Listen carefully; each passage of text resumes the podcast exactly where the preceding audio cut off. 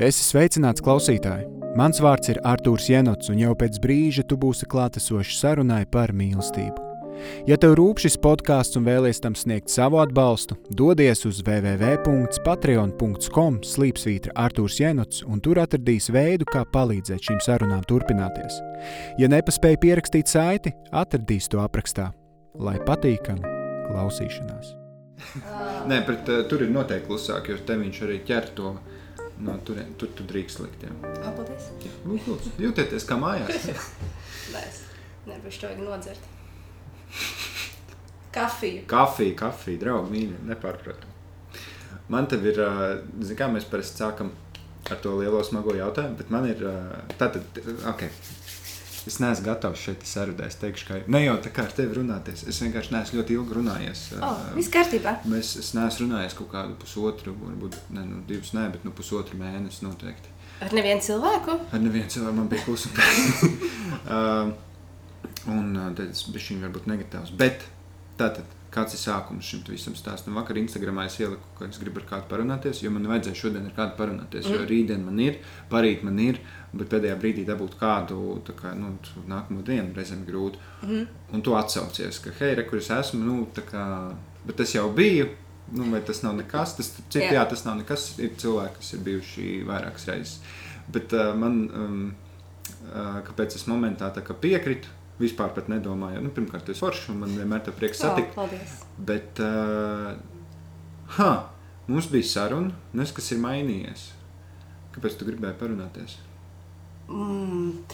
Man šķiet, ka es neesmu noklausījies iepriekšējā sarunu, bet es Es, neatceros. es arī ne. Pilnīgi nulle nojausmu, par ko mēs runājām. Uh -huh. Bet es zinu, ka ir mainījies daudz kas. Jo šie divi gadi man ir bijuši ļoti transformējoši. Un es esmu tiešām šo domāšanas veidu izkra, izkristalizē, izkristalizējusi.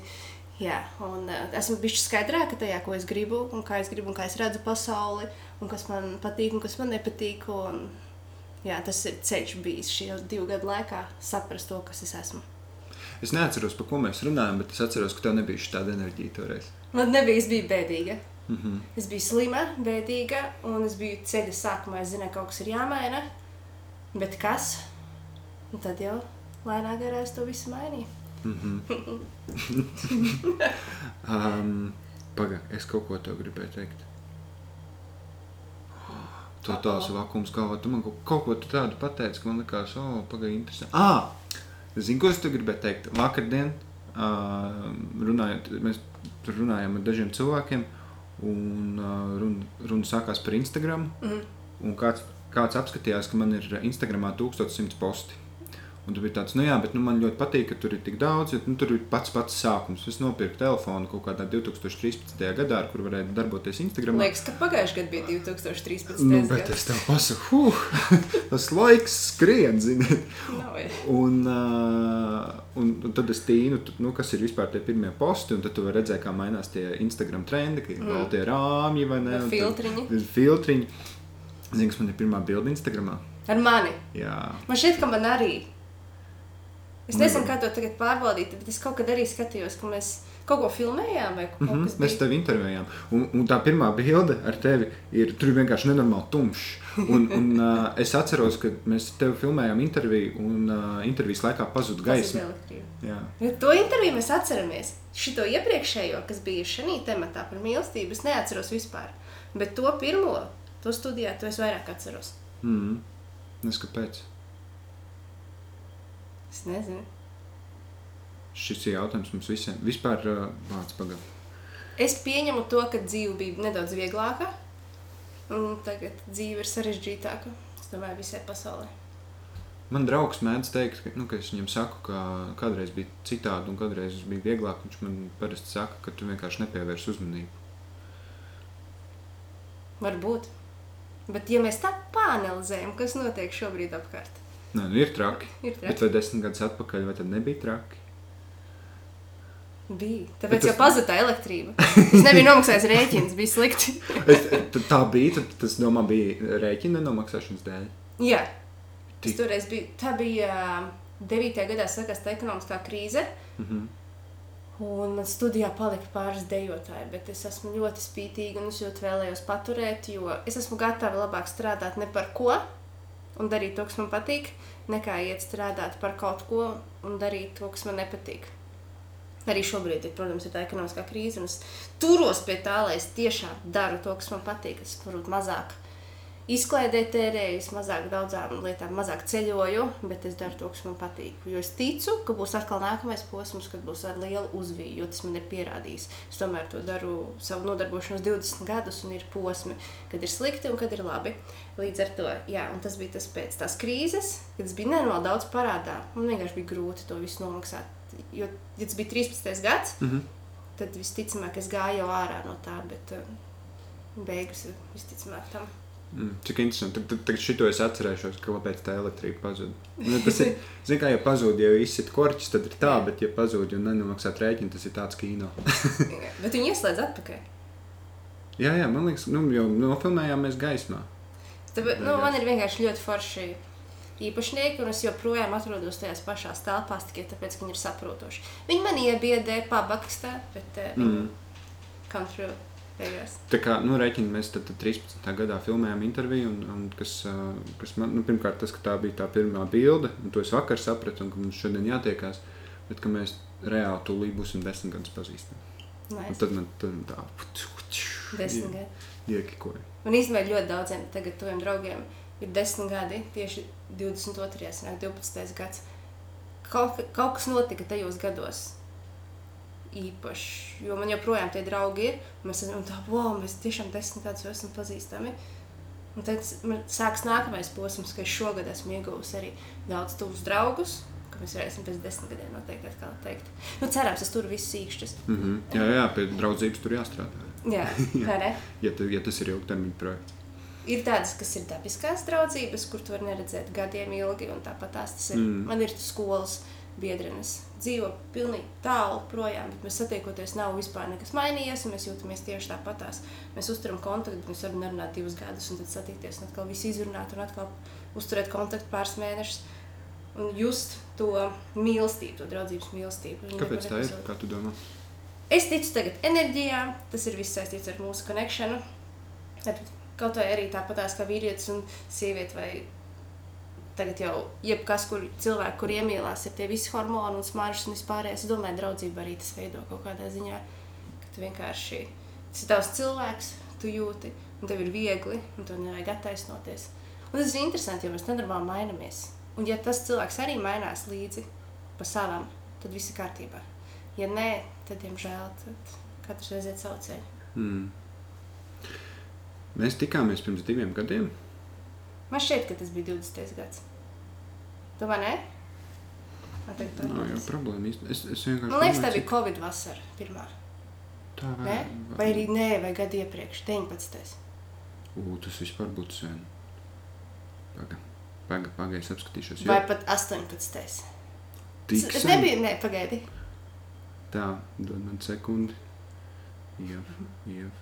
Laiks ir relatīvs. Nu, tas ir skaidrs bet statistikas ir interesants. 20. gada 1. jūlijā es publicēju mūsu sarunu. Jā, un pāris dienas pirms tam tas notika. Mm -hmm. tad, tad ir divi gadi pagājuši. Nu, tagad tas lielais jautājums. Uz kuru tev ļoti iespējams bija citādi atbildēt. Nu, es neatceros, kāda ir. Domāju, būs tāda pati. Tad vai nu tas ir labi vai slikti, es nezinu, tad tur jāskatās pēc atbildes. Bet, uh, nu, kā tev šķiet, kas ir mīlestība? Oh, bāc, es aizmirsu, ka tas uzdod tādu jautājumu. Es aizmirsu, ka tu uzdos tādu jautājumu. Aizmirsu padomāt, daudz ko aizmirsu. Hei, jā, un arī aizmirsu, viss aizmirst. Mīlestība. Es paturēšos pie tā, ka tā, tā ir enerģija, tas ir kaut kas lielāks iespējams par mums. Un es ticu arī to, ka viņa ir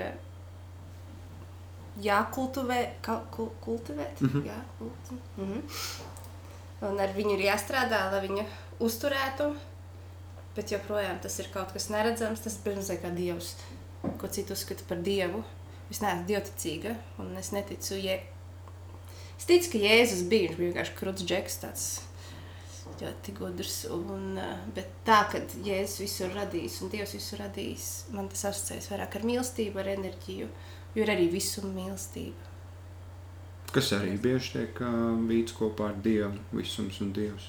Jā, es, es kaut kādā ziņā to arī lieku kopā, bet es vienkārši neticu tai Bībelē daudzām lietām. Daudz kas tic- ticamāk ir taisnība, bet varbūt interpretācija cilvēku, kā viņi to izlasa, ir citādāk, jo mēs lasām to, kas mēs esam, nevis tas, kas ir rakstīts. Es esmu vispār grāmatārs, un es esmu grāmatu džankijs. Man visur šeit redz stāv grāmatas. Man patīk iet un lasīt, un izlasīt bišķi viņa iet tālāk, un katrā istabā stāv pa čupiņai. Un, jā, un mēs izlasām to, kas mēs esam tajā brīdī. Katru reizi tas mainās. Var ņemt uz laiku vienu to pašu grāmatu un izlasīt kaut ko citu. Tu, tu, tu, tu viņus tā neizlasi līdz galam, tu viņus tā fragmentāli. Jā. Kā kuras? Man, piemēram, ā, te stāv blakus Markus Aurēlija Meditations, Mhm. un tur ir tā kā viņa domas. Un sanāk, tā grāmata ir uzrakstīta pirms vairāk kā tūkstots gadiem. Es varu kļūdīties, bet man liekas, ka 200. gadā, varbūt 1200. Kad bija Mm, Markus tā. Aurēlijs? Senāk, drīzāk nekā pirms Man šķiet, ka 200 kaut kāds vai ne. Un viņš raksta par problēmām, kas ir mūsdienās, tām pašām sajūtām, par draudzību, par mīlestību, par uh, sasniegumiem, par karjeru. Un ir ļoti interesanti. Nu, tādām mazām, mazām uh, rindkopām. Tas tas vārds. Mhm. Un, bet, protams, ir arī grāmatas, kuras esmu izlasījusi un pārlasījusi. Bet šīs mazās, kur ir piemēram padoma kaut kāda, jā, viņas stāv. Tur bija Ališa Kīs dzēja man stāv. Ališa Kīs. Viņa nesen albums iznāca. Ne? Ne, es neesmu fani. Mm. Bet, uh, man vienkārši uzrunāja tā grāmata. Arī grāmatas es pērku, ja viņas ar mani runā. Mhm. Mm, Tas, ko tu minēji par to mm, mīlestības enerģiju, un, un varbūt tas pat ir Dievs, zin, šis ir viens no jautājumiem, kas, kas mani kaut kādā pēdējā pusgada laikā urda par to, vai gadījumā mīlestība, nu, vai drīzāk, ka mīlestība arī ir Dievs. Mm. Tas ir viens no tiem enerģijas veidiem, kā, kā šis kaut kas augstākais, kā nu kurš to mēs saucam, bet uh, kā tas darbojas. Bet es piekrītu, mīlestība ir enerģija. Un, uh, varbūt sākumā liekas, tāds, nu, tā bišķi nonavilē to, ka, hei, nu, kas tad tā enerģija saules enerģija un tā. Tas saules enerģija ir labākā enerģija. Mēs taču neizdzīvojam. Mēs neizdzīvot, jā, jā. Un, un, uh, un ir vēja enerģija, kurai arī ir kaut kāds, mēs esam atraduši kaut kādu pielietojumu. Ir tā mīlestības enerģija, kur mēs kaut kā apzināti, neapzināti pielietojam. Kad mm. mēs apzināti pielietojam, tad viss kaut kādas brīnišķīgas lietas notiek. Mm -hmm. Tīpaši, ja mēs pre, pret sevi nē, bet uh, sevi to pielietojam, uz sevi virzot, tad mm. -hmm. notiek brīnumi. Mēs varam, protams, dot, tas ir svarīgi. Dot, tad mēs saņemsim atpakaļ. Un, ja mēs atrodam šo konekšanu balansu, dot, saņemt, tad, tad ir brīnumi. Mm. Ne, pat, paturēt sevi arī noteikti vajag. Jo, ja mēs viņu mm. pielīdzinām tai enerģijas visai mm. padarīšanai, tad, nu, iedomājieties, tev ir elektrība, vai ne? Un tu, protams, tu vari tur izdalīt kaimiņiem, un tā viņi tev kaut kad atdos atpakaļ. Bet, ja tu visu izdali un tev nekas nepaliek, tad tev tumsā jādzīvo. Nu, Jā. kaut kā stulbi ir, vai ne? Jā, tad sev, sev arī kaut kā jāmāk to ir. Un labā ziņa, man šķiet, uh, tur, piemēram, nu, lietojot naftu, vai ne? Mēs zinām, ka nafta ir diezgan izsmeļams resurss. Nu, mēs principā skatāmies pulkstenī un gaidām, nu, kad būs tas brīdis, kad mums šis ir jārisina šis nopietnais jautājums. Uh, bet savukārt, nu, vējš kaut kā negrasās apstāties. Saula vismaz nu, mēs pulkstenī Vēl vēl pāris biljonus gadus, laikam, Nu, Jā, mums vēl nav Latvijas aktuāli nav vārds biljons. miljardi. Miljardus, pāris miljardus gadus. Jā, nu mēs varam vēl mazliet nestraukties par mm. To. Bet, nu, mū, no mūsu perspektīvas tas arī diezgan neizsmeļams resurss. Mm. Mm. Nu, tāpat arī ir ar mīlestību. Nu, tas ir ne- neizsmeļams. Vienkārši jautājums ir, kā tu viņu, kā tu viņu savāc, kā tu viņu padod. nu, Kā tu padod viņu izmanto, Kā tu viņu izmanto, jā. Jā, tu ļoti labi pateici, man jāatpatika. Nē, ņem pa labi. Desmit eiro stundā. um, Ļoti skaisti. kas ir tāds, ko tu esi, un tu neatceries? Varbūt, ne, varbūt tu atceries, kā bija pirms diviem gadiem. Mm. Kā tu domā, ko tu iemācījusies divu gadu laikā? Man bija jāiemācās, ko nozīmē mīlestība pret sevi.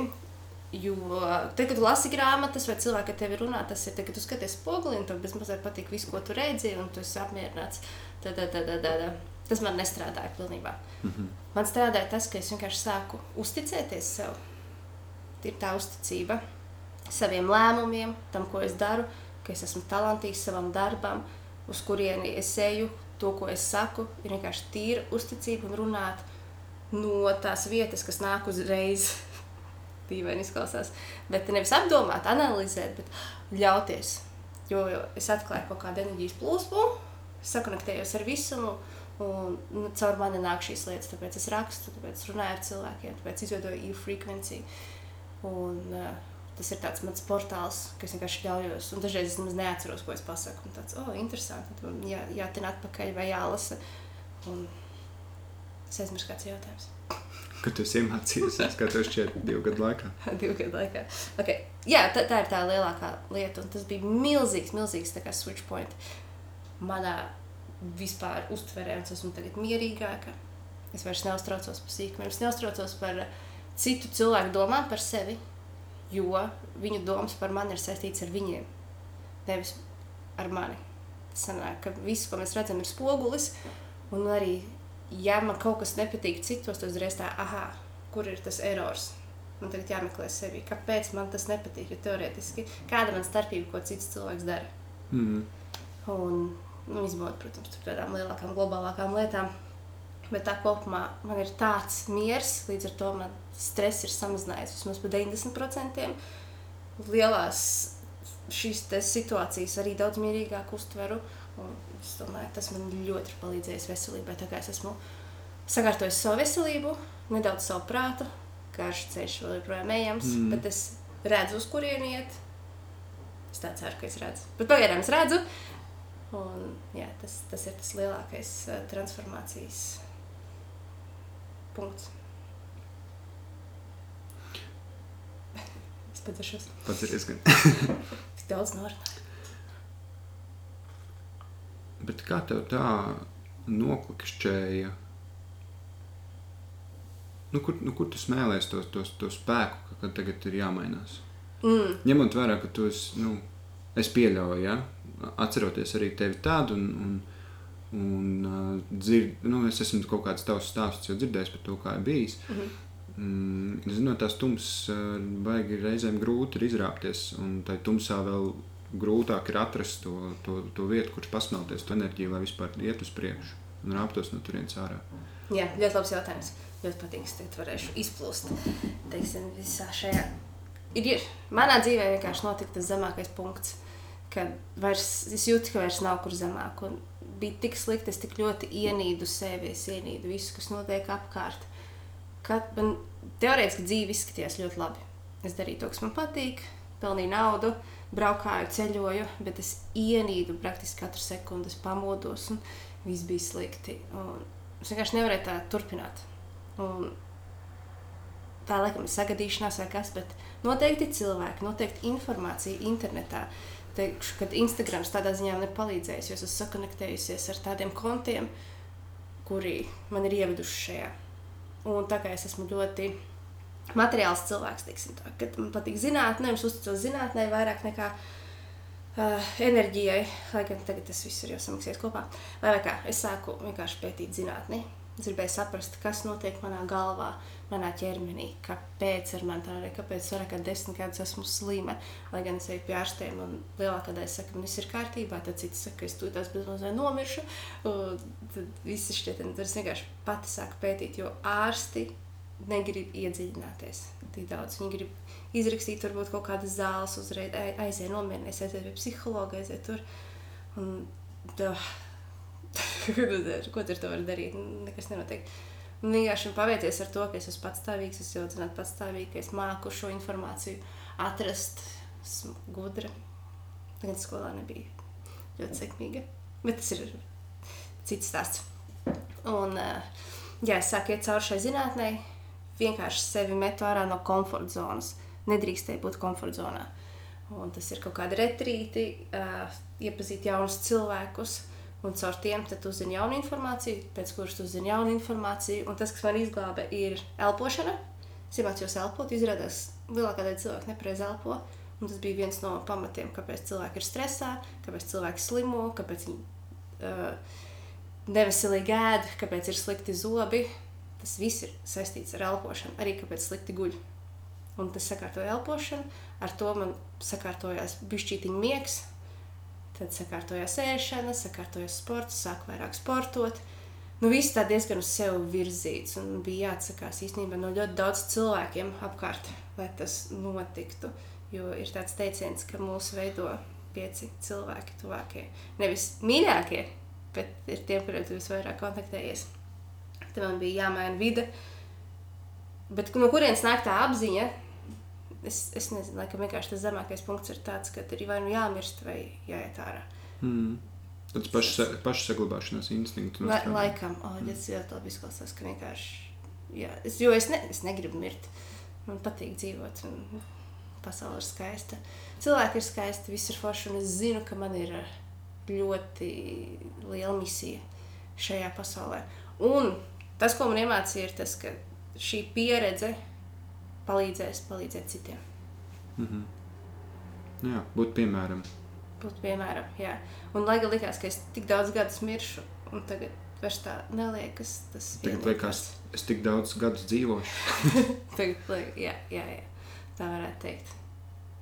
Jo vispār medicīna ir ļoti attīstījusies, ka simts gadi būs normāli. Mūsu mm. paudzē simts pff, ir ok, būs brīnums, ka oh, 150, wow. Ah. Mm tāds simtnieks. Un līdz ar to tāpēc ir ļoti svarīgi sevi uzturēt. Un vēl es kādreiz uztraucos par to, ka pēc 30 pēc dzīve, jo man tā mācīja skolā, ka visi 30, un es arī redzēju, kā 30 gadnieki izskatās. Viņi bija ļoti skumji. Un tagad ir citādāk. Man, uh, man šķiet, ka, man šķiet, ka um, mums ir, nezinu, kas mums to ir ieaudzinājis. Uh, Protams, klasiski gribētos novelt vainu uz vecākiem, vai vidi, vai uh -huh. izglītības sistēmu. Vai, protams, klasiski vainot arī padomu laikus un to, cik tie sačakarēja iepriekšējās paudzes un līdz ar to arī mūsu. Um, bet uh, liekas, ka ir kaut kāds gala punkts, kurā mums ir jānonāk. Proti, ka mums ir, um, tad, tad tu pabeidz skolu, tad tu iestājies universitātē, pabeidz universitāti, dabūt darbu, uh, nu, tu jau sāc veidot ģimeni, tad tev piedzimst viens bērns, otrs bērns, tu kāp augšā pa kāpnēm, tad ir, tad ir Ieva šobrīd brauc projām. un tad ir, uh, un tad tu kāp augšā pa tām karjeras kāpnēm un dzīves kāpnēm, un tad ir kaut kāds tas punkts, nu, ka tas viss jau tā kā ir, ka ir tie divi bērni, ka ir tas nodrošinātais darbs ar, teiksim, nezinu, diviem tūkstošiem mēnesī, ka ir tā karjera, ka ir, tā, uh, ir paņemts hipotekārais kredīts un tiek celta māja. Un, un tad ir tas tāds punkts, ka nu, tas viss ir izdarīts. A, kas tagad ir? Tu vēl esi dzīves. Vai nav stulbi? Diezgan... Tagad tev vienkārši jāeksistē. Jā, un man liekas, ka tas ir tas punkts. Atkarīgs no tā, kāda ir tie uzstādījumi. Mm Uh, šis ir vienkārši tāds baigi, baigi klasiskais piemērs, bet uh, mm. ka tie titri nenāk. Tu nonāc tajā punktā, kurā tu domā, ka tu nonāksi, un tad dzīve pēkšņi būs laimīga atlikušo, atlikušo tavu mūžu. Bet tā nav. Tā galīgi nav. Un tu nesaproti, kur lai liekas, jo ko tad es vēl varu darīt. Un tu nesaproti, ka tu vari darīt principā visu, kas tev ienāk prātā. Jebko. Jo tev neviens tev nav pateicis, ka tā var darīt. un, uh, un tie titri nenāk. Un tu kā nemirsti, tā nemirsti.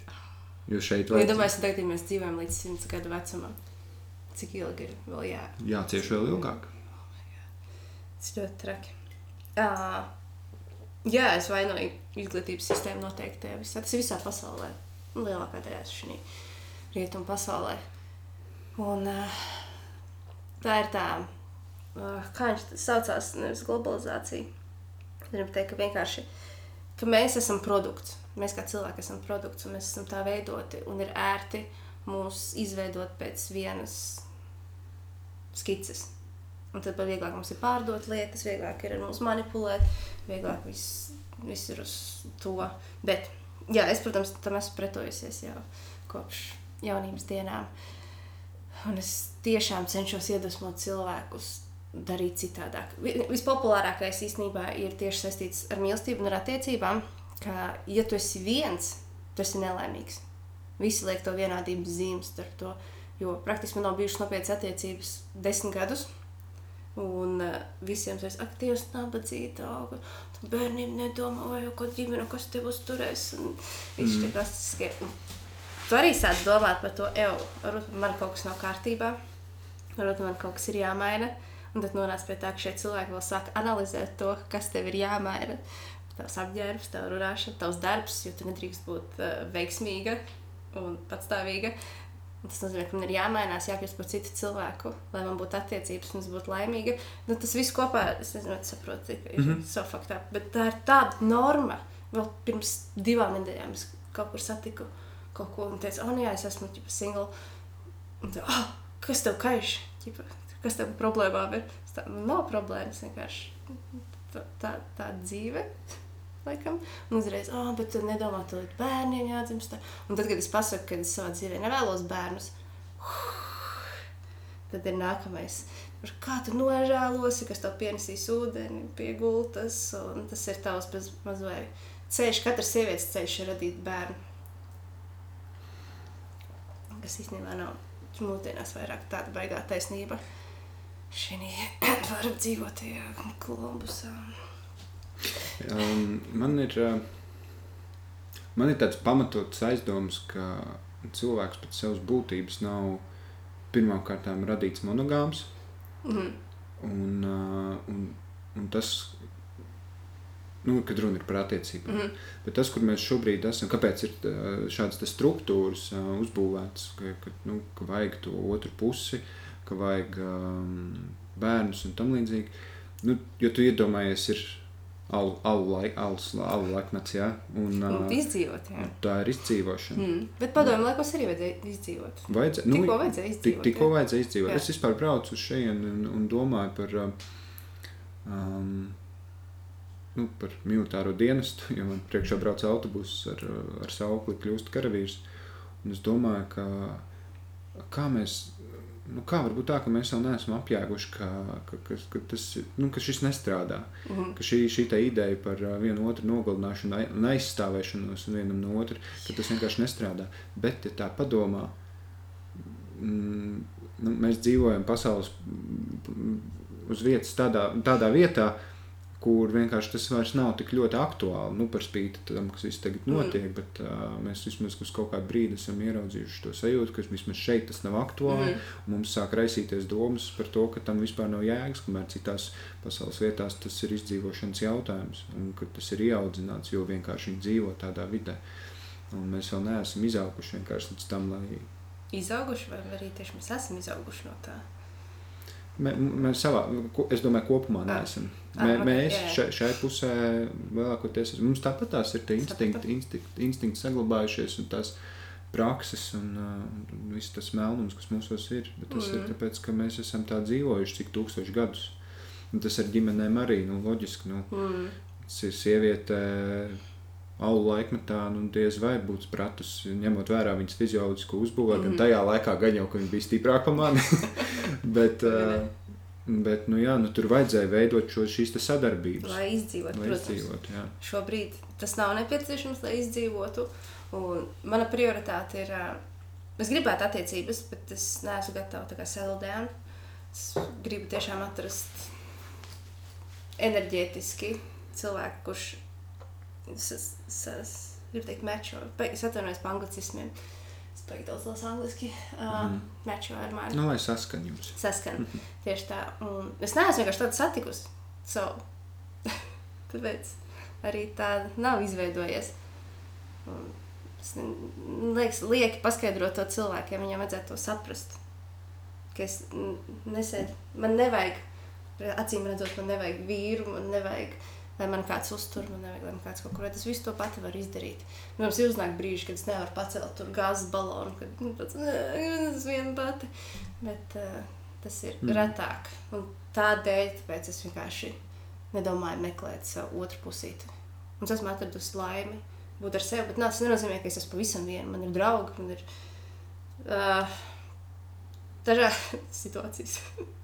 bet teiksim tā, ka uh, tu visu laiku esi cilvēkos. Man ir tīpaši tāds darbs šobrīd biznesā, tu visu laiku esi cilvēkos, lai kaut kas notiek, lai kaut kas ir.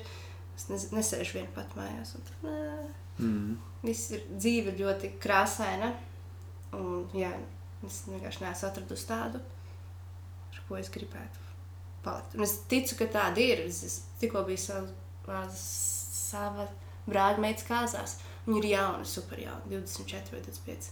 Es nezinu, cik viņam gadi, bet ļoti jauna. Un viss tiek aizvies tik jauna. Īsta mīlestība, un tu redz, ka tas ir. Un viss ir, un es tam ticu. Es vienkārši līdz ar to nevēlos būt bēdīgi, ka man tas nav. Es esmu priecīga par to, kas man ir. Ja es varu izdzīvot, un es varu baudīt dzīvi un piedzīvot, teiksim tā. Jā. Um, zin kā, arī runa ir par šo pusi, domājot Eiropu un, uh, un vispār pēdējos uh, nezinu, 50, teiksim, 50, 40 gados sievietēm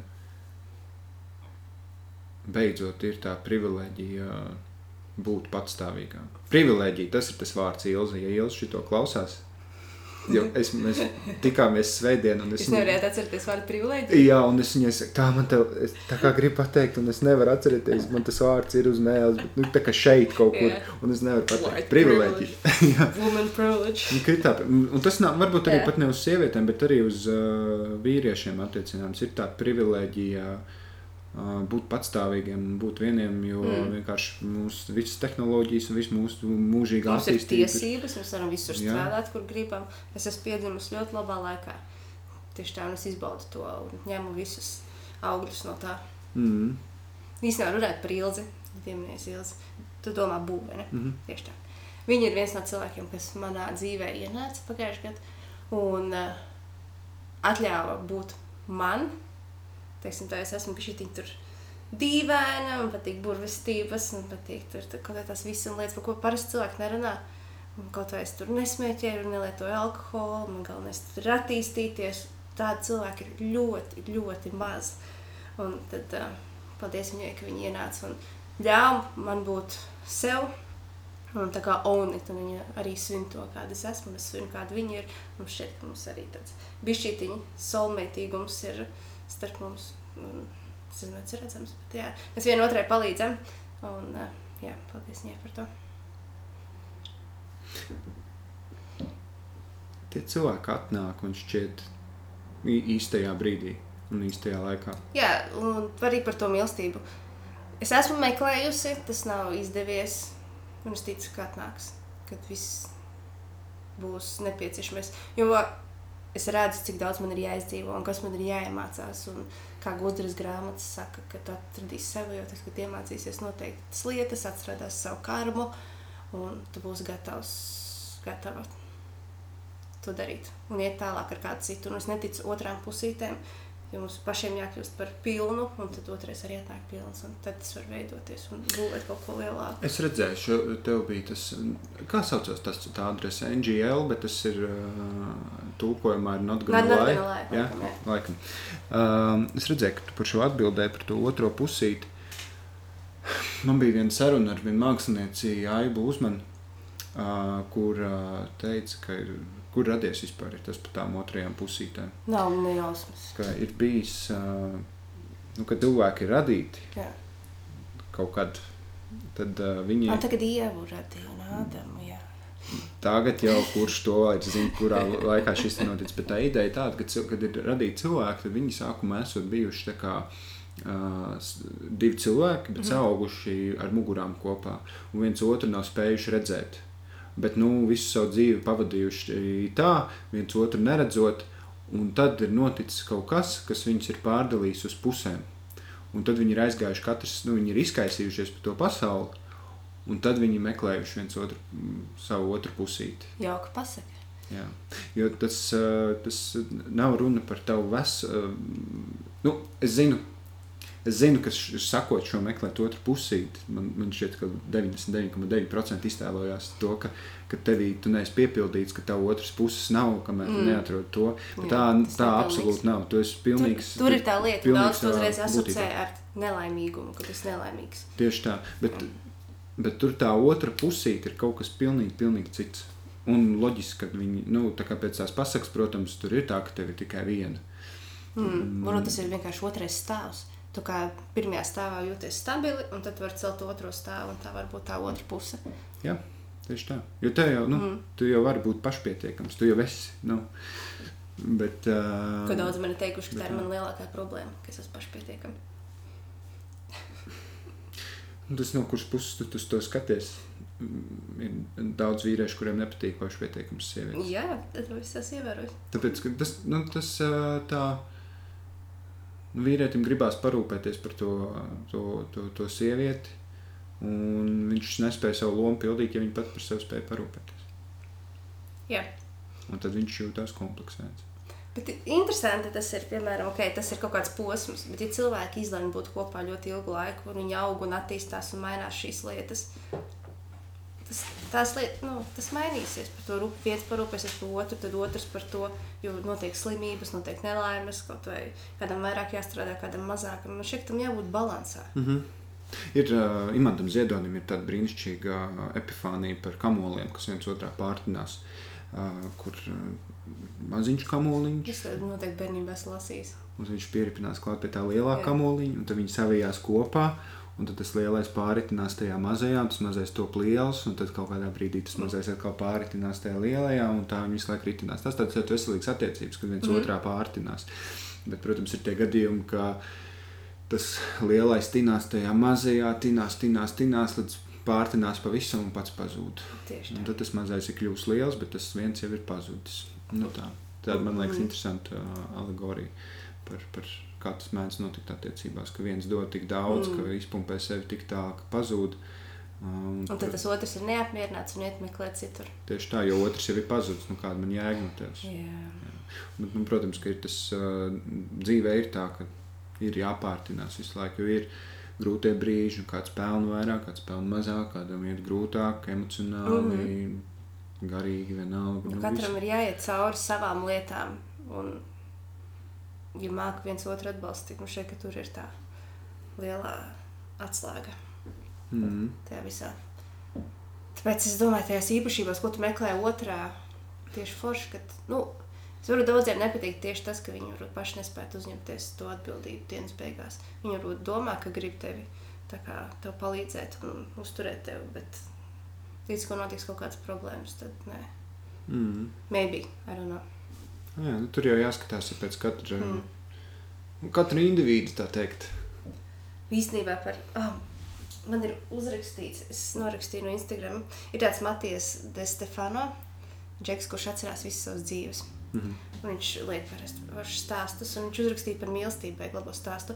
Es gribētu, varbūt, pastāstīt par to, bet es neatceros precīzi, man ir pierakstīts, vai es skrietu pakaļ. Loģiski, ka tad Es nezinu, tā jāskat skrienu, runā. Nu, kamēr uh, Ieva ir aizskrējusi pakaļ šim stāstam, un jau skrien atpakaļ, man pat nebija nekas jāsaka. Vajadzēja sagatavoties, bet es tikai atcerējos. Tikai. Es biju arī ielikusi Instagramā pirms kaut kāda laika. Uh, kamēr es atradīšu, tu, tu, tu, tu, tu. Man ļoti palīdzēja tas teiciens. Okay. Viņš ir garš, bet es mēģināšu ātri iztulkot par to, ka uh, so, kad nepastāv tā kā soulmate, un tev nav tāda otra perfektā pusīte, vai tavs perfektais cilvēks, tavs dzīves partneris, vai kāds individuāls, kas, ar ko tu kopā sajauc. Jā. Bet ir individuāli cilvēki, ar kuriem tu kopā iepazīsti mīlestību. Mums uh, katram tas var būt viens vai arī vairāk šī dzīves posmā. Un to ir ļoti svarīgi atcerēties, ka, jā, ka nav tas viens, un uz ko mēs beigās tiecamies, oh, man dzīves mīlestība, vai tas varbūt kādam paveicās ar to vienu. Bet ir ok, ka ir vairāki. Un ar to es esmu stragulojis. Man ir bijušas mīlestības, un tur ir tāds, oh, vai man vispār kādreiz būs. Bet ir ok, ka man var būt vairāks. Trāšu piebilstīšu, kas tur bija tālāk. Es pēc tam atsūtīšu, un tur varēs ielikt. Mm -hmm. Jo viņš ir beig, beig foršs citāts. Un es domāju, daudziem cilvēkiem palīdzēs. Jo es neesmu vienīgā tāda, un daudz strāgalo ar šo, kāpēc tik daudz depresijas šobrīd ir un mentālās slimības citas. Jo mums liekas, ka mums vajag kādu obligāti uzreiz šobrīd un tagad citādāk. Viss ir slikti. Bet tā nav. Pēters Kļavs, man liekas, to teica, ka tad, kad mēs ejam gulēt, neatkarīgi no tā, vai mums blakus guļ ā, draudzene, draugs, vīrs vai sieva, ā, mēs aizmiegam vieni paši. Un ņemot vērā, nu, mums ir piecas maņas, un tā sanāk piecas. Nu, gan jau ka piecas. Bet acis ir tās, kas nu, strādā vis, gan jau visstiprāk. Nu, nu, tev var būt kāda mm stiprāka un tā, bet nu, acis ir tā kā konstanti visu Jā, laiku. man nē, Viņas tev rāda virzienu. man es neredzu vienāds. Nu, bet, labi, bet, uh, bet tev ir sajūta, ka. Man ir citas maņas labākas. Bet vai te, man, man šķiet, ka cilvēkiem, pateicoties acīm, Jā.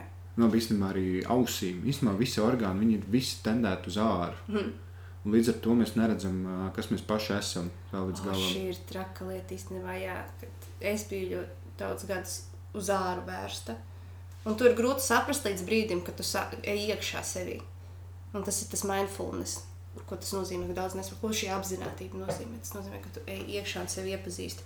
Un tas ir tik biedējoši, un tas ir drausmīgi. Un ir jāpār, nu, protams, ne visiem, bet lielākajai daļai tiem, kur ir bērnības traumām. Tev jāiet tam cauri, un tev patiesi jāiepazīst, nevis savu jāmelo. Un mēs beigās daudz savu melojam. Mm -hmm. Mēs esam pieraduši savu personību izveidot pēc tā, ko citi saka, un ko mēs jūtam ar šīm ārējām maņām, ko mēs redzam spogulī, UTT.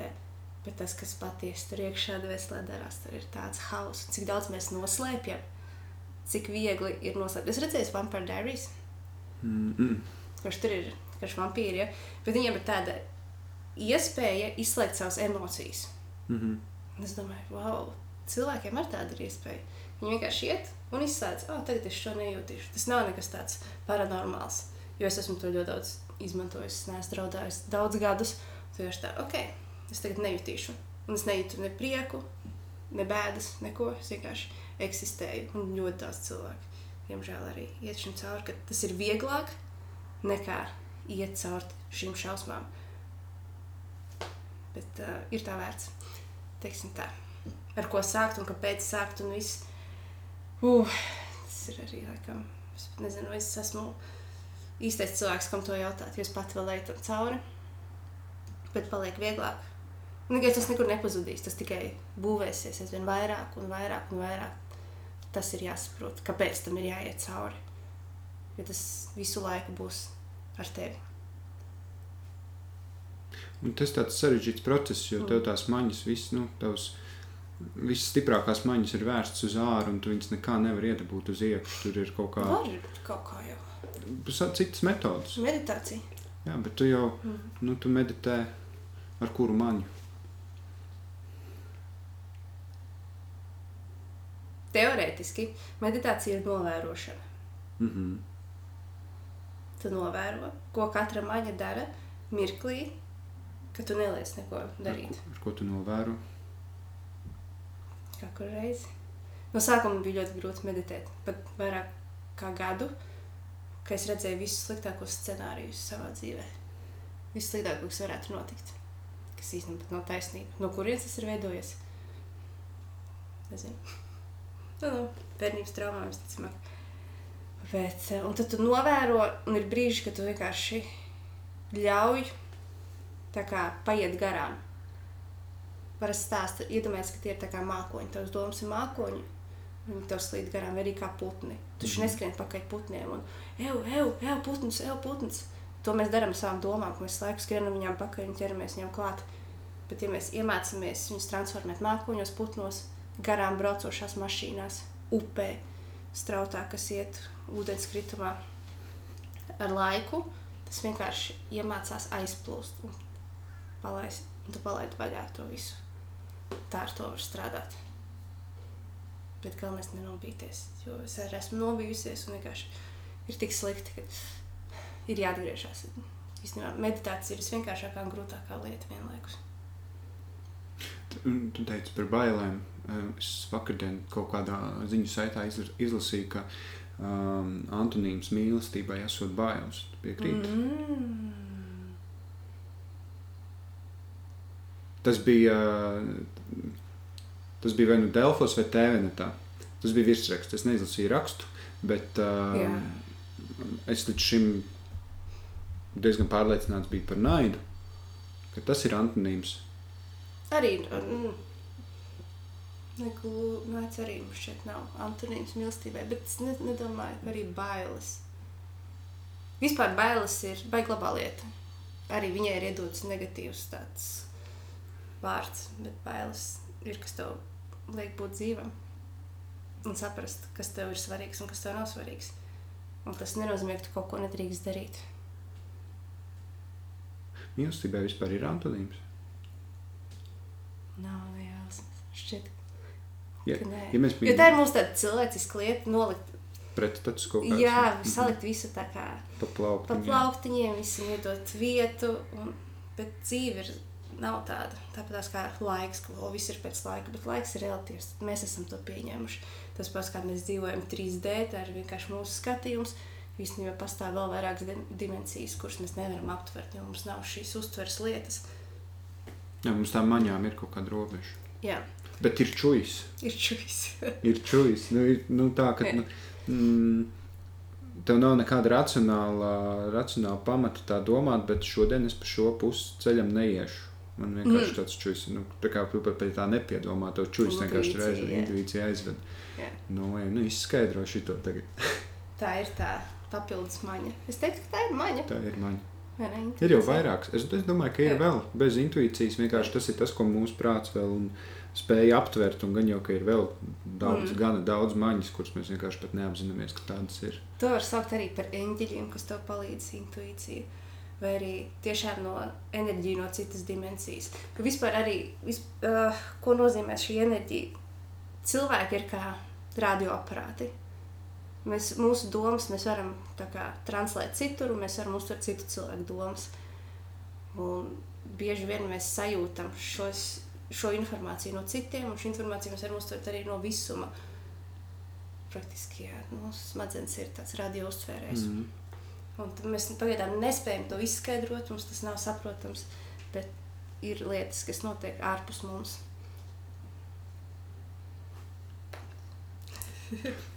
Es, es, es iedomājos, ka mūsu smadzenes ir tā kā radioaparāti, un mm. mēs Latvijā tomēr esam slaveni ar VF. Ja? Vai, tu, vai tam ir arī kaut kāda, es nezinu, varbūt tam ir arī kaut kāda nozīme, kāpēc Latvijā ir cilvēki, kas uztver lietas.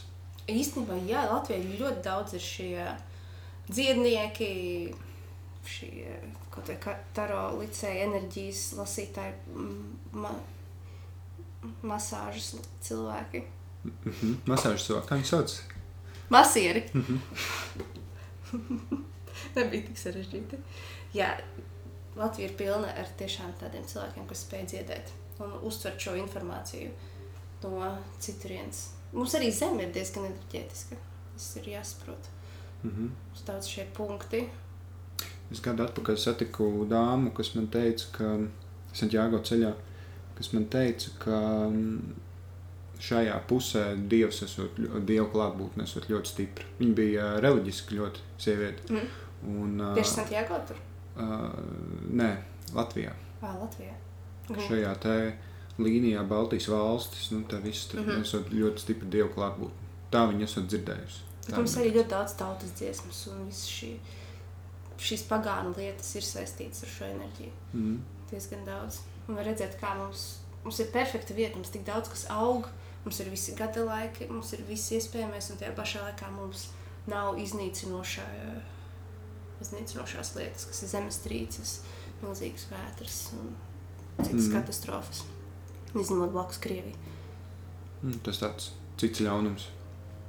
Nevar, visam jābūt kaut kādā balansā. Jā, viss ir balansā. Mēs nevaram, mm, nevaram dzīvot kā dieva ausī. Ja? Jā, nu, to enerģiju vispār baigi interesanti. Arī es esmu atradusi kaut kādas uztvērējas sevi.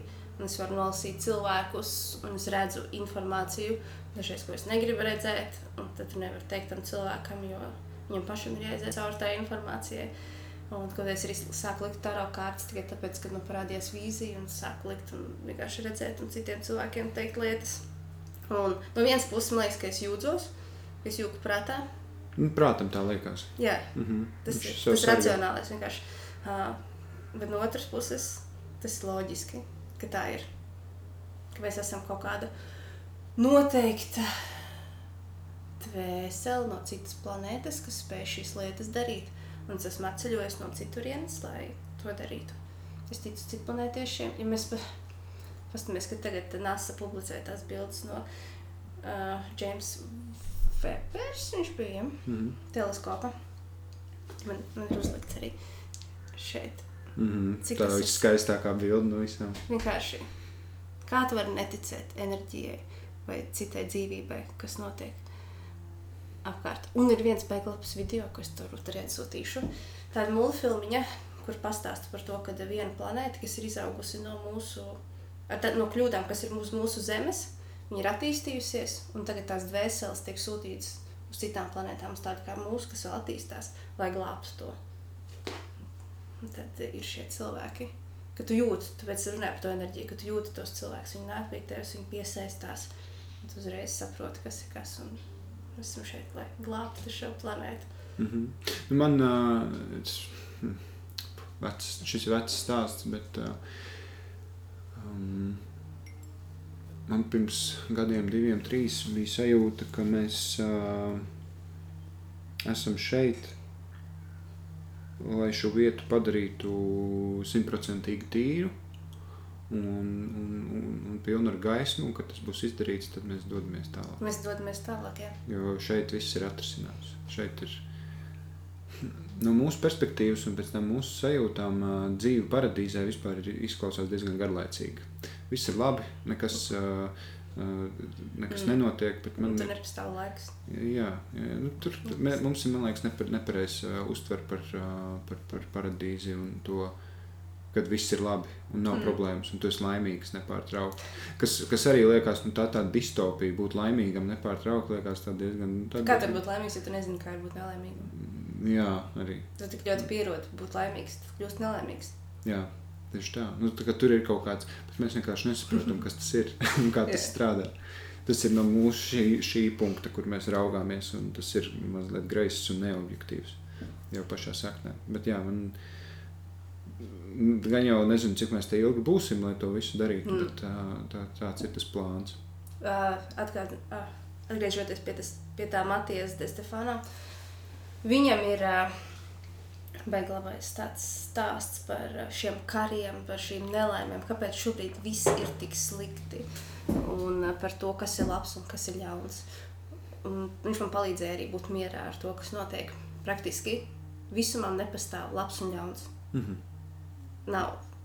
Tas vienkārši viss, kas notiek, ir ar lielāku mērķi.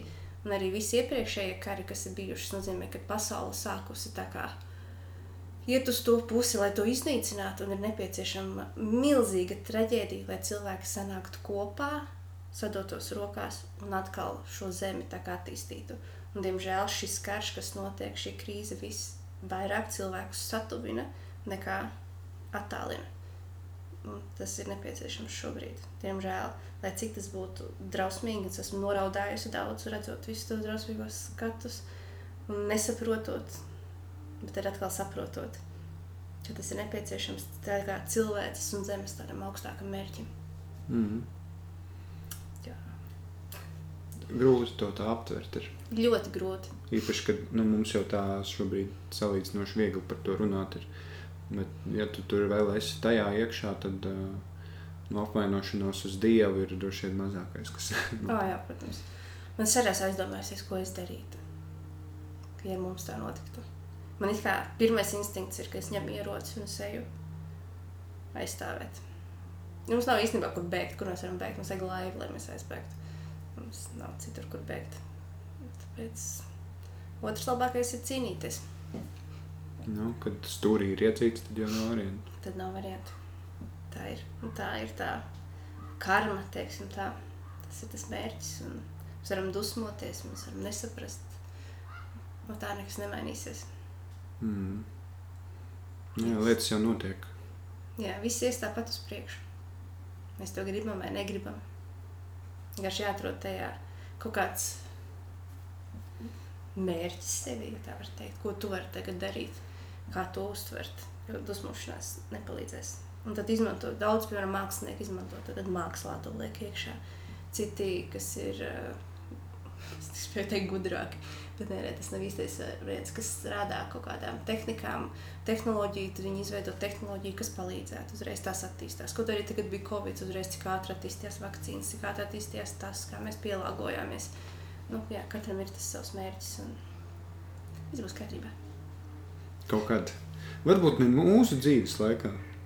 Nē, nu ir jau kārtībā. Tā ir vienkārši mūsu uztvere. Varbūt pēc desmit gadiem mēs atskatīsimies, un oh, tie laiki, kad notika tikai viens karš Mm. mums blakus.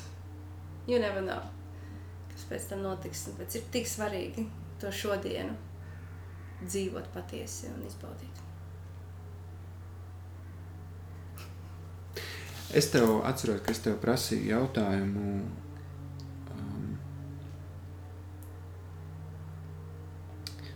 ko tu redzi cilvēkos apkārt? Nu, kur tu gribētu, kā, kur tu redzi, ka ir kaut kādas nu, kā pasaka, nepareizības, nebūtu īstais vārds. Viņi dzīvo kaut kā tā, un to gribās viņiem pateikt. Ārprātā ir man lielākā kā šobrīd lieta, ko, ar ko man jācīnās. Jo es Gribās redzu, visiem pateikt, jā? visiem gribās pateikt. Mm. Tāpēc, ka, ja viņi nečīkstētu, man būtu vienalga, tu dzīvo savu dzīvi, tu dari, ko tu vēlies. Bet ir cilvēki, kas grib attīstīties, viņi čīkst, viņi cenšas, un tad viņi dara pretējo, lai attīstītos. Lai gan viņiem ir visi tūli, rīki, lai iet uz priekšu, un tad es dusmojos par to. Un tad man pazūd enerģija. Man jau brīdināja viena mana tāda kā enerģijas masiere, teica, ka es nedrīkst dot pārāk daudz padomus, jo, ja tie cilvēki viņus neņems vērā, tad man būs jāatstrādā viņu vietā šī enerģija.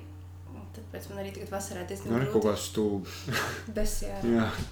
Nē, bet tas ir pareizi. Tāpēc tu nevari visiem būt par korķi, visām pudelēm, teiksim tā. Mm. Nevar visiem palīdzēt. Uh, tāpēc ir perfekti, mums ir sociālai tīkli, ka es neitrāli to daru. Ka tas nav konkrētai personai, Mm. ka es tā vispārīgi mēģinu dot šos padomus. Bet, protams, man ir draugi, kuriem es dodu padomus. Saku, hei, ja tu gribi būt veselīgi, tev jāatsakās no tā. Un tas ir sīkas lietas, tu esi mēģināšana, vai šobrīd tas plasmasas lietas. Plasmas salti. Jā, Mhm. dīvains nosaukums. Okay. Uh, salti vai arī nenormāli tā kā piedzeršanās, vai arī šīs uh, negatīvās domas. Un es dodu rīku, kad, hei, man te ir meditācija bez maksas, viņa tur ir pieejama, izēja katru dienu, velti desmit minūtes tam. Protams, ka cilvēki daudz to nedara.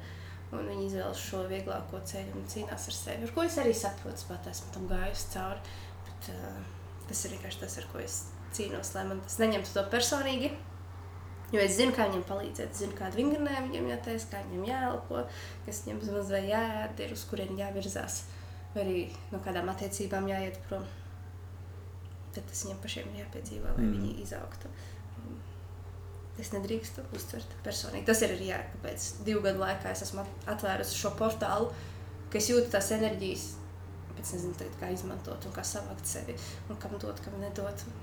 Tad bišķi Bet tas, bet tas ir diezgan pareizi. Mums, mēs dzīvojam pasaulē, kur mums ir izvēle. Mm. Un, vien no, un viena vai vairākas no tām izvēlēm ir nu, darīt pāri sev, neattīstīties. Tā ir izvēle. Dari tā, Tā nu, izvēle. kāpēc tu tā nedarītu? Mm. Ja tu gribi dzīvot šādi, tad dzīvo šādi. Es redzu, ka tev nu, neiet labi un tā, bet tev mm. Tā arī ir pieredze, ne, no kuras tā. tu šobrīd šeit nesēdētu laimīgi, ja tu nebūtu pieļāvusi dažādas izvēles, kas nav nācis par sliktu, lai tu nonāktu Jā. zemākajā punktā, kurā tu biji. Bet es gribētu teikt to, ka man nebija informācija. Nekāda. Kad mēs augām, tas bija normāli. Divus gadus, divus gadus atpakaļ tev nebija informācijas.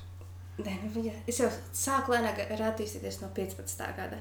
Bet pirms tam bija stilīgi teikt, ka uh, es gulēšu kapā. Pirms kam miegs ir nepieciešams? Miegs Mhm. nav nepieciešams, vai ne?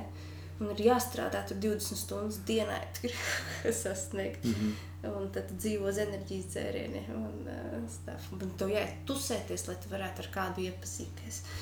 Visi šie te, sāpīgie. Man tiešām nebija tāda mentora un cilvēka un informācija. Gan jau viņi internetā bija, bet viņi vienkārši nebija Bija. manā tajā mm. vidū. Un mēs toreiz jogistus un šos spirituālos cilvēkus uzskatījām vienkārši par trakiem. Un joprojām Hollywoods filmas to tēlo, ka tie ir šķietīgi kreizi cilvēki. Un, kas noved pie tā, kāpēc netic spirituāliem cilvēkiem un tiem, kas attīstās no kaut vai elpošanai un meditācijai un stuff. Lai gan zinātniski ir tik daudz grāmatas, ka jau viss ir pierādīts. Kaut kā iešana augstumā. Daudz, oh, bet man ir augsti. Bet tev nebūs augsti pēc tam, ja tu esi augstumā. Tas, tas, tas tāds mm. paradoks. Teiksim, tā, ja tu vēlēsies, lai tev nav augsta ziemā un tu nesaltu, tev ir jāieliek sevi 5 minūtes diskomfortā, lai pēc tam 3 dienas tev būtu ļoti labi. Mm. Bet citi mokās visu laiku. Uh, kas bija jautājums? es jau kaut kur aizlidoju. Citu. Mēs runājam par to citu mācīšanu. Citu mācīšanu. Bet jā, bet, Tas viss kārtībā. Un, un, bet ir vienkārši ir cilvēki, kas arī pie manis ir nākuši ar speciālu jautājumu, ar speciālu mērķi. Un es dodu šos rīkus, es iemācu tur elpošanu, to, bet viņi neizmanto.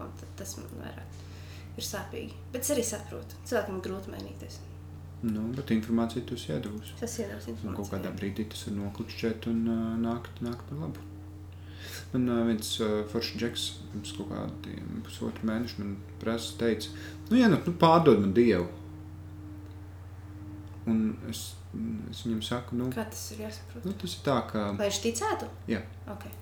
Un, uh, un es viņam saku, bet man tev nekas nav jāpārdod.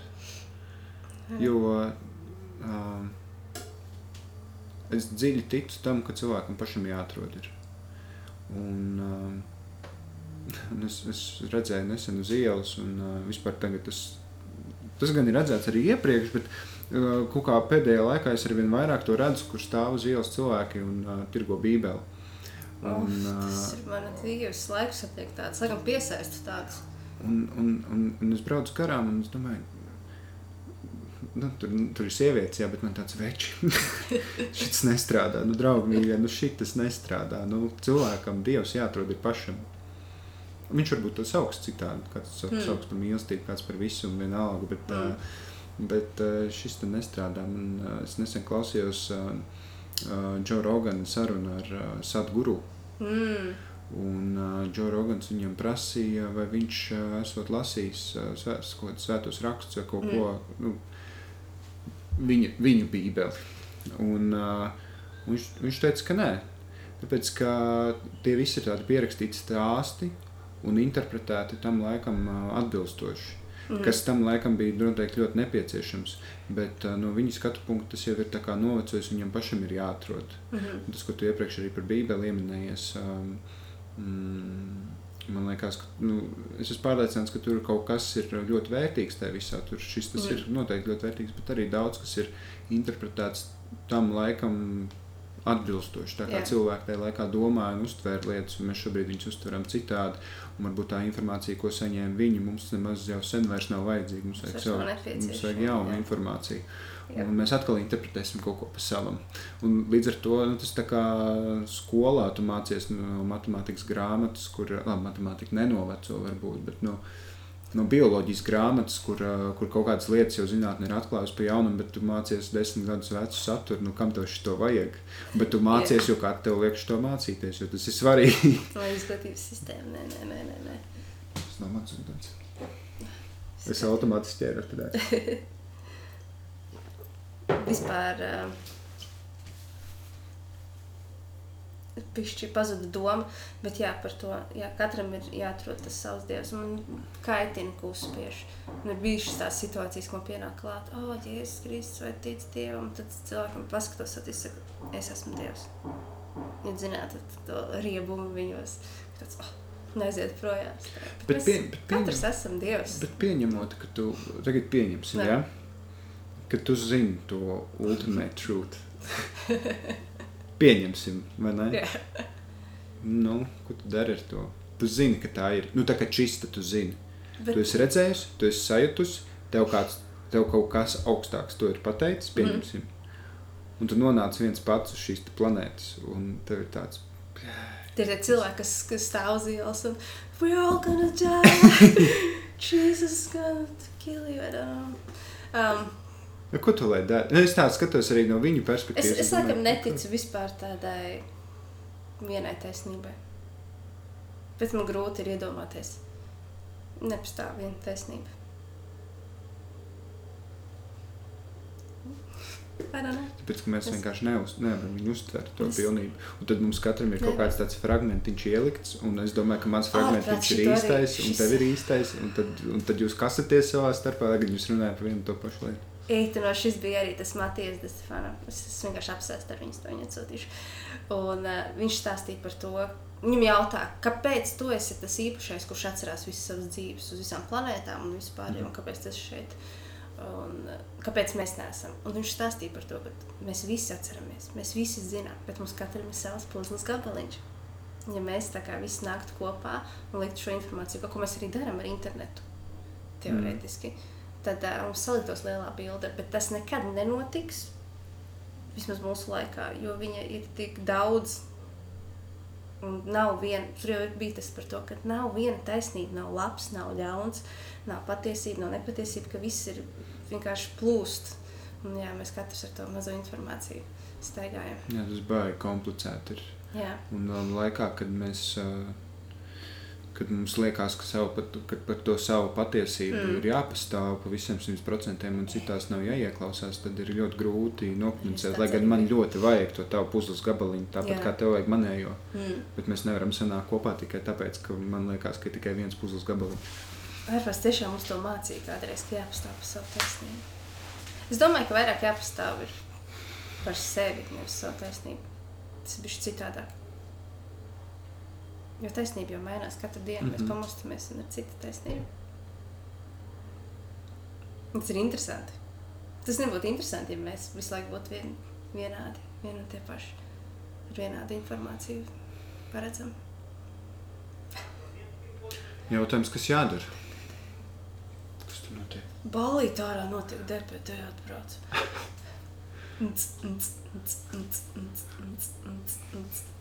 Bet tur ir jautājums, nu, kas jā, nu, tas tāds kaut kas, ko droši vien mums, uz ko mēs neatbildēsim. Jā, šī, šī ir ļoti tāda uh, gara saruna, ko var mūžīgi, manuprāt, runāt.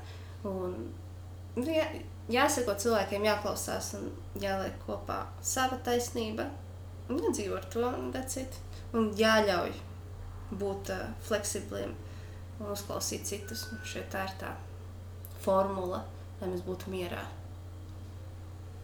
Ka mēs zinām, par ko mēs pastāvam, bet tajā pašā laikā mēs esam atvērti arī kaut kam citam.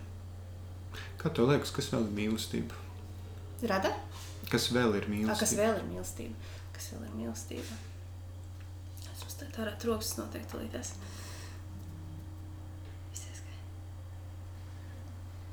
Ah, noteikti mīlestība ir māksla manā pasaulē. Tā ir milzīga izpausme. Gan dejošana, gan mūzika, gan zīmēšana, gan kaut kā veidošana, šūšana, kaut vai apģērbs. Viss, ko mēs apkārt redzam, arhitektūra, viss šeit, ka cilvēki arī tajā liek iekšā mīlestību, viņi izpauž to savu to būtību, savus talantus. Un tad mēs pastamies apkārt, kā ir, piemēram, ā, un augi ir mīlestība, mazulīši, pumpulīši. Un, uh, kā viss ir radīts. Tur noteikti ir likts kaut kas no paša cilvēka. Mīlestība tad visu laiku mums ir apkārt. Bet māksla noteikti. Tā uzreiz nepateiks, ne? ka viņi mums visu laiku ir apkārt. Nē, nē. Tas beigais kosmos ir. Dzīve ir beigais kosmos. Jo vairāk tu runā par to, jo, lielākā, jo vairāk jautājumu rodas ir jau. Es vakardien, vakardien runāju ar Anci, un, un Ancis teica, mēs, kā no kurienes tas iznāca, neatceros, bet, bet atziņa mums bija tāda dzīve ir liels prikols. un, ja tu esi atvērts, tas sirdi mm. atvērts un, un gatavs prikoloties, tad būs baigi labi, tad dzīve ir baigi forša. Jā, tu, tu esi saka par to atvēršanos. Pieņemt. Ir ļoti viegli aizvērties arī nu, ņemot vērā, kāda mums tā pasaule ir, kāda ir sabiedrība un kāda cilvēka ir apkārt. Un, uh, līdz tu saproti, ka tu tos cilvēkus vari izvēlēties, ka tev nav jābūt tur, kur tu esi nokļuvis, ka tu vari iet prom un atrast kaut ko jaunu. Ļoti viegli aizvērties. Es vispār tagad uh, dzīvi sauc par paradoksu. Lai gan es izskatos super atvērta, ir noteikti lietas, kurām es aizveros un es pati pazūdu. Uh, ir tīpaši pēc tam kaut kādām traumām ar komunikāciju savā dzīvē, un kā cilvēki man ir piečakarējuši, un sāpinājuši un aprunājuši. Es noteikti daudz pieredzēju, aizvaros ciet, un tad man atkal sevi atcīnās, un tad es atkal atveros. Un viss ir paradoks. Un es domāju, ka tas arī tā turpināsies. Es vairs neesmu uzlikusi mērķi būt vienkārši. Oh, kā lai paskaidro? Kādreiz likās, ka laime ir tajā, kad tu esi apmierināts ar visu, kas notiek. Bet laime ir tajā, ka tu pieņem vienkārši visu, kas notiek. Mm -hmm. Lai gan tas ir arī apmierināts. Bet nu, saproti, ka ne viss ir visu laiku forši, bet tu ej cauri gan labajam, gan sliktajam, un tu saproti, ka šis man būs nepieciešams, viņš ir sūdīgi, paguļ pāris dienas, pēc tam atkal ceļos, ej tālāk, un atkal viss ir krūti. Viss ir baigais paradoks, un starp citu, tas ir dejas izrāda ar tādu nosaukumu, maza reklāmas pauze. Tā ir man tāda aktuālā tēma, jo mēs varam uh, runāt par vienu lietu, oponēt un visu, bet taisnība, ko mēs par runājam, ka taisnība, daļa taisnības ir abiem, un daļa taisnības nav abiem. Un tāpēc ir tas paradoks. Mm. Un galvenais, ka tu nekad nevari zināt, un kas zina. Dievs! Mm -hmm. jā, jā, loģi, nu, Ne, es domāju, Nu, ka arī nezinu. jā, nu, to mēs nezinām. Kā tas strādā? Es tā reizēm domāju par to, ka man jau nav nejausmas. Tad tu vienkārši ir jāpaļaujas. Jā, jo ir arī tāda stāsta par šiem eņģeļiem. Ir cilvēki, kas redz eņģeļus, šīs enerģijas, vai arī tie, kas, piemēram, par narkotiku lietošanu. Um, ka ir speciāls narkotikas tavai veselībai. Un tas ir loģiski, ka tas Mhm. paliek aizvien populārāk, ka mēs narkotikas sāksim nākotnē lietot nevis lai tusētos, bet lai kļūtu veseli. Mm. Un mēs tik tiekš pie sevis iekšā, mēs izslēdzam savas ārējās maņas, un ar visiem šiem LSD, ar kaut kādām sēnītēm, mēs beidzot varam nokļūt pie sevis. Un uh, ir cilvēki, kas redz dzīvniekus kaut kādus, kas ir viņu dzīvnieki, un kad ar viņu runā, vai arī kaut kādus uh, cilvēkus no pagātnes, kas ir miruši, bet ir kopā ar viņiem. Un ir tik daudz šīs enerģijas, un interpretācijas un izpratnes par to, kas notiek apkārt. Un narkotikas spēja labs veids, kā līdz tam arī nokļūt. Bet vai tā ir taisnība, vai tā nav taisnība, to mēs arī nekad nezināsim. Vai tas strādā? Vai kā tu to domā, ko nezināsim? Ah, Par to, vai Dievs zina visu? vai visi, vai kāds, vai ir viens cilvēks, vai viena enerģija, vai viena lieta, kas visu zina, Nē, visi zina visu. vai visi zina visu. Jo, nu, proti, Ir tas, tā teorija par uh, DNS, uh, di- DNS, par to, ka mums strādā tikai maziņš procents no tā Mhm. visa, kas ir mums, un tad pārējā viss ir informācija, pie kuras mēs pagaidām netiekam īsti klāt, mēs nezinām, kā pie viņas tikt klāt, un tur it kā viss ir kopš mūsu rašanās līdz šim brīdim paslēpta tā informācija. Tad saka par to, ka mēs īstenībā visu zinām. mhm. Mums, nav, mums, man liekas, procesors nokurtos vienkārši, ja mēs tam visam piekļūtu klāt. Jo jau tagad, kurās nos ne. Nu, jā. Viņš vienkārši, nu, tā, tas ir tas pašsaglabāšanās instinkts, kamēr nav, kamēr mūsu ķermenis fizioloģiski nav attīstījies līdz tam, lai tādu informāciju spētu panest. Plus mēs tam ķermenim palēnām tikai palīdzam ar visu to meditāciju un, un iešanu sevi. Un mēs jau to darām tūkstošiem gadu. Nav jau tā, ka mēs Mm. tikai tagad, ne? kad internets ir sācies, nu, tā kā prakses jau ir Jā. jau pastāv tūkstošiem gadu, un mēs jau to mēģinām darīt dabiski. Jo Mm. mēs zinām, iekšā mēs nezinām, mums tas čujas ir. Jā, kaut arī meditācija, kas kādreiz bija meditācija, ir zā, ar izskapti, kad tu pļauj zāli. Mm -hmm. Tā ir meditācija. Tas prakses ir. Viss Nav tikai sēdēt zem koka meditēt. Tieši tā, tu Mm. taisi miltus. Tas, tā viss ir bijusi meditācija. Mums vienkārši mūsdienās mums ir jāmācās pasēdēt, jo mēs visu laiku esam skrejoši. Tāpēc mums ir jāsēž. Mm. Visu laiku kustamies. Ja mēs nekustētos, mums vajadzētu iet meditēt, kustoties. Ko arī noteikti daudz dara, kas skrien maratonus vai nu, jeb, jebkas aktīvs, ko cilvēki dara. Mm. Ir, ir tā. Nu, ne- zini, nevelti saka, ka viss ir viens. vai ne?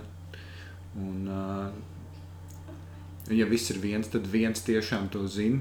Visu, Mm. kas notiek, bet tas viens ir sadalīts tik miljardiem Puzles gabaliņos. un Tas, ka katrs puzles gabaliņš jau arī zina, kas notiek. Vienkārši viņam jāzina tikai par to, kas, kas viņam jāzina. Kā man smadzenes sprākst. Awesome. Neskaiņas klausītāji būs šo visu uztvert. Nu, Super. kāds varbūt izslēdz ārā pie tā brīža, kad viņa prātā sākās sviests. Jā, jo uh, ļoti liela pretreakcija ir lielai daļai cilvēku. Tiem, kas tiešām ir uh, ļoti zemā enerģētiskā līmenī, viņiem pret visiem šiem augstākajiem ir tā kā bez mazliet ļaunums nākt virsū, ja tas atcerās par kādu spirituālu mm. lietu. Viņam tas, ah, nē, ja, ja, jauna informācija potenciāli nozīmē, jauna informācija potenciāli nozīmē to, ka tu mainīsies. Un prātam, ja viņš šajā brīdī jūtas ļoti labi, tad viņam baigi negribas, lai tu mainies un ņemt jaunu informāciju. Tad viņš izdomā, kā, kā radīt pretreakciju. Es saprotu Jā. prātu. Jā. Mēs runājam, nu, ka processors var nokurties. viņš sev mēģina saglabāt vienkārši ir vēl viena interesanta lieta par uh, prātu un ķermeni, ka daudziem liekas, ko nozīmē komforts prātam. Tas nenozīmē, ka tu jūties tiešām fiziski ērti. Tas nozīmē, ka tu jūties pazīstami. Mm -hmm. Un kāpēc grūti ārstēt depresiju? Jo ķermenim ir pazīstami būt drošībā, paslēptam, tā kā mazliet no cilvēkiem, ka tev liek mierā un tajā pašā laikā par tevi uztraucās, par tevi rūpējās. Tā ir milzīga drošība ķermenim, un iziet no tā ir ļoti grūti. Arī drošība ir, piemēram, cilvēkiem, kuri aizdegās ātri un kliedz. Tā ir viņa drošība, izdalās kaut kāda noteikta hormona, un uzreiz, ah, oh, cik forši es pēc tam dabūju šoku hormonu, lai gan tas ir slikti tavam ķermenim. Bet viņam vienalga, kas ir slikti ķermenim. Tas ir pazīstams. Tas vienkārši ir pazīstams. Mm. Un to, to es gribētu, lai vairāk cilvēku saprotu, ko nozīmē komforts ka komforts ir arī iet sev un griezt kāju. Tu visu mūžu to darīsi, ka tu katru dienu sev iegriez kājā. Mm. Tas arī ir komforts.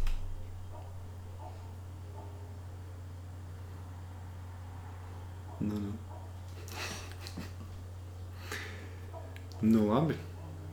Kā tev liekas, vai tev ir kaut kas tāds, ko tev vēl vajadzētu šobrīd pateikt? Es vēlos, lai cilvēki vairāk diskutē, runā par šādām lietām.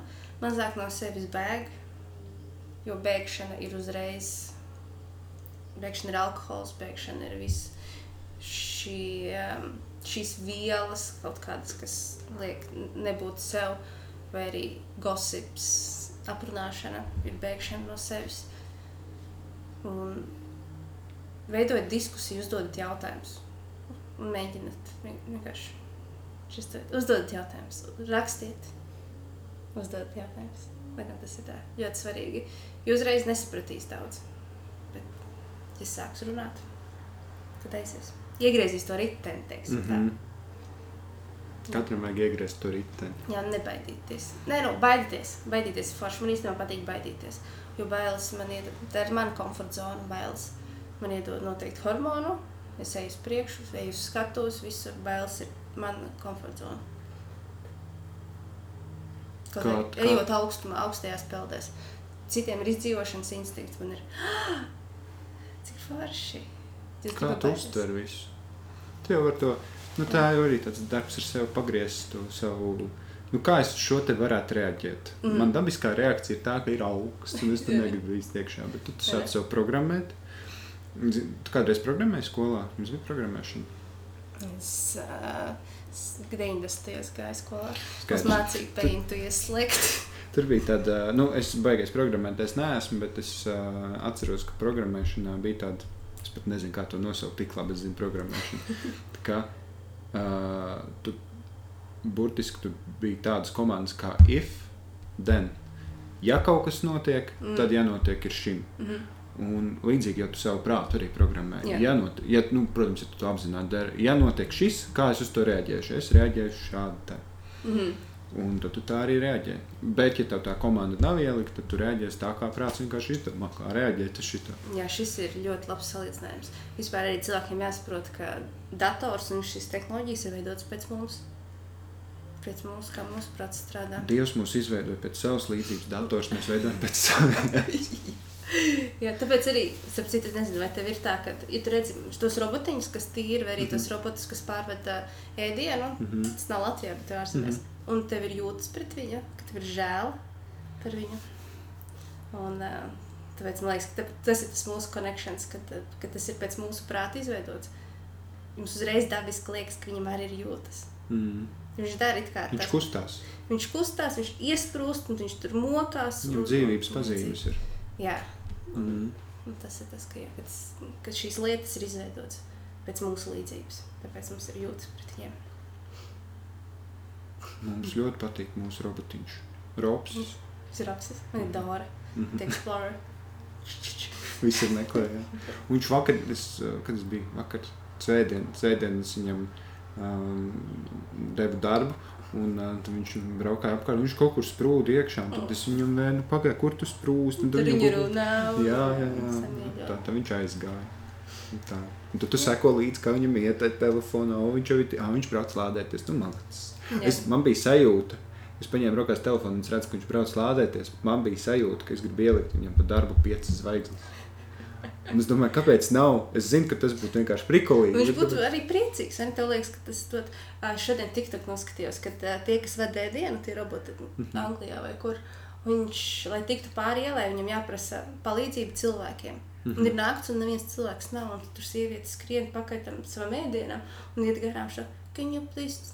Oh, Tēmēt, kāds bija angliski. Bet var lūdzu ieslēgt gaismu. Mhm. Viņš tik mīļā balsņā to saka, un viņš tā, jā, protams, lūdzu, lūdzu, lai tev laba diena, un saka, arī tā runāt. Un Tas man liekas ļoti jauki. Un tad roboti pārņems pasauli. Mm. Varbūt būs labāk. Viņš sakārtos pasauli. Mhm. Ja daudziem liekas, ka roboti grib mūs iznīcināt, man liekas, ka nē, viņi negrib mūs iznīcināt. Nu, atliek uztaisīt vienu filmu, un tad mums tā liekas. Nu, jā. Atliek uzrakstīt vienu grāmatu. Tā, nu, mums jau ir, mēs jau mētājamies ar šīm idejām, kā būtu, ja būtu. Tad kādam kāds notic tam pa daudz, un tad ir traki. Mm. Un tā jau redzēju, es nezinu, es jau nesaku, ka nē, gan jau iespējas jau pastāv. Vai nā, tu nu, skatoties uz tiem robotiem, kas ar tevi var sarunāt, un viņiem ir humori, kas ar tevi var sarunāties, viņiem ir humora izjūta, un tas ir diezgan frīkīgi. Jo Vilam Smitam arī tā bija. Es redzēju to video, jā, ka viņš runāja ar to sievieti. Jā, jā. Robotu, jā. Traki. Un tas acis vēl tā skatās, viņa tāds, wow! Nu, tur ir, jo tagad tu redzi to savu mazo robotiņu kustoties, tā ir, nu, kustība ir viena no Mm. dzīvības pazīmēm. Tur, kur tu redzi acis, nu, tas ir frīkīgi rītīgi. Tas ir frīkīgi. Bet, uh, nu, tu redzēsi, kur tas mūs ved. Grūti Jā. jau pateikt šobrīd. Nezināt. Nu, internets arī nebija mums paredzēts. Internets vispār no kaut kādas militārām vajadzībām. Militārām vajadzībām, jā. Jā, loģiski, kā jau viss. Robots jau arī gan jau ir tīri militārām Un vajadzībām. tagad viņš tīri māju. Jā, mēs varam arī iedot viņam patīrīt māju vai nav. Vai ne viss tas GPS iekšā, kā viņš redz lietas. Un, jā. Mm. Galvenais, ka es nezinu, kā tev ir, bet uh, nu, viņš ir izskanējis visas tās istabas telpas, un es skatos uz to bildi, ko viņš ir izskanējis, un es redzu, ka tur nav istaba, tur, kur tu redzi, ka viņi ir. jā, viņš redz tur istabu. Jā. Viņš tur nevar aizbraukt uz sienas priekšā, bet viņš tur redz istabu. Man liekas, diezgan frīkīgi. Nu, tā kā tur, labi, tur kaut kāds iebūvējamais skāpis, to viņš arī redz, bet nu, tas, kas tur ir tālāk, tur nav istabas veču. Vismaz man tā šķiet. Vai ne man jau arī mājā? Ārā pēkšņi kaut kāda istaba. Mm. Dorai, liek, Dorai pat neliekās viņai tāds, es tā zinu. Nu, labi, paldies tev liels. Paldies tev. Tad jau līdz nākamajai reizei vēl pēc diviem. Pēc diviem gadiem tiekamies. nu, kā tev tagad šķiet? Es ticu, ka būs mainījies vēl ļoti daudz, un man patīk tas. Dzīve ir superīga, jo mēs varam visu laiku mainīties un iepazīt jaunas lietas. Jā, dzīve ir pārmaiņas. Mm. Vienīgi ir tāds teiciens, only constant is change. Mhm. Vienīgais, Vienīgā lieta, kas nemainās, ir tas, ka viss mainās. jā, paldies. Jā, viņš viņam pa labi 10 eiro stundā. Vācis jau 20 sakrājušies. Nu, super, paldies tev. Paldies tev.